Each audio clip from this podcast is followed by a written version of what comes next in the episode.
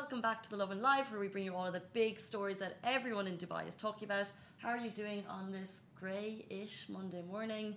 Are you feeling that the roads are like a little bit quieter this morning? Okay, I don't actually drive to work; I walk. But I love that I come up here, and my like perception of traffic in Dubai is whether I can see a lot of cars on Sheikh Zayed. But I know uh, schools are closed. I know a lot of people have taken vacations, and it looks a lot quieter. I don't know if that's you or me, but city feels a little bit quieter. Um, let me know as always where you guys are watching from. I'll flick on the live in a little bit. See who's saying hello. I'd love to hear where you're watching from and who is watching. Uh, our top stories today, we're going to be talking about the weather. I know it's not that exciting of a topic, but sometimes in Dubai you need to know the updates. We're also going to be talking about the UAE top Google searches this year. I love as the year comes to a close, we kind of get like the stats of what we've been uh, talking about, what we've been searching, um, and Google stats I think are always interesting. And then our top story today, guys, is very cool news for travelers, especially if you're living in Abu Dhabi or if you're living on this side of Dubai, actually, because we're in JLT Marina. It doesn't take that long to get there, like a 15 minute straight up. Um, so basically, big news: a budget, budget airline is coming to the UAE in 2020. It's actually coming to Abu Dhabi, and it's called Wizz Air. Now, Wizz Air is already a very popular airline uh, in Europe. It's based in uh, Budapest, I think is where its main office is. So this will be its first branch outside of Europe, but this is huge news, uh, especially for UAE, um, Abu Dhabi, Dubai livers, because I wasn't aware of this until we started talking about the story. But low cost airlines in the UAE only have 5% of the market share. So um, I know in Europe, uh, low cost budget airlines are very, very popular. There's Wizz Air, of course, there's Ryanair. There's so many of them.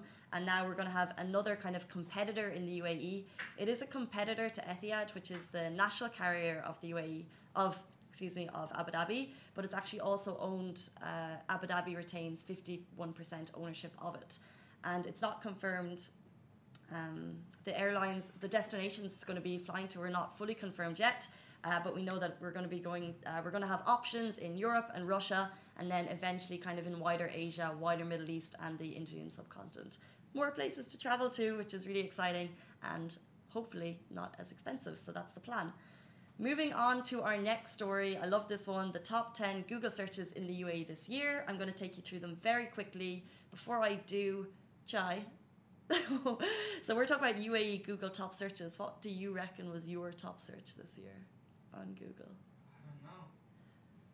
Because I know Chai is a fan of a couple of things. There's one uh, kind of glaring obvious features here. Let me guess, Marvel or movies or something in that spectrum. hundred percent. You got it on the top ten. Was number ten was Captain Marvel. Well done.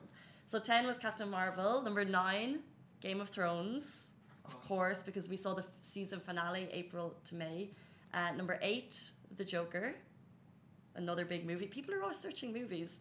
Number seven, I think, is really interesting is Switch, which is a career jobs app. I hadn't heard of it, but um, it's obviously very well known and it's helping people get jobs in the UAE. So if you're looking for a job, check out Switch. It's an app. Then we have Thanos. Marvel again. Is that that? What is Thanos? That's the main Marvel. Uh, that's the main villain. The main Avengers. Main villain in Avengers. Okay, so he was a top search. Then we have obviously the release of the iPhone 11. Everyone was searching that. Ramadan, first day of the holy month in May. That's when we saw massive spike searches for Ramadan. Uh, number three, Amazon UAE.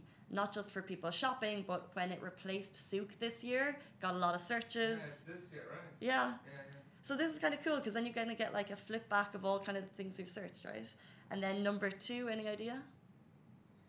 I don't know if you'll get this one. tolerance. No, but very close. It was uh, he guessed year of tolerance. It was UAE National Day. And number one, blah, uh, Bangladesh versus India's clash in the Summer World Cup. Who won? I don't know. Who did win, Chai? I would say India, but Okay, Chai is saying India, Bangladesh versus India in the World Cup. Can you let us know in the comments? Because I don't know. Thanks for putting me on the spot. Anyway, those are our top Google searches of the year. We're going to have them up on Lovin Dubai later today. Um, were they your top searches? Were you searching something else you expected to be there? That is a wrap for the Lovin Dubai Daily Live. Remember, we are back with you same time, same place every morning. Do not forget, we also have Dubai Works Business Podcast where Rich sits down with the business people of Dubai so you can get more information about that. And of course, the Lovin Weekly show where Shireen and I chat to influencers and get to know a little bit more about them. Bye.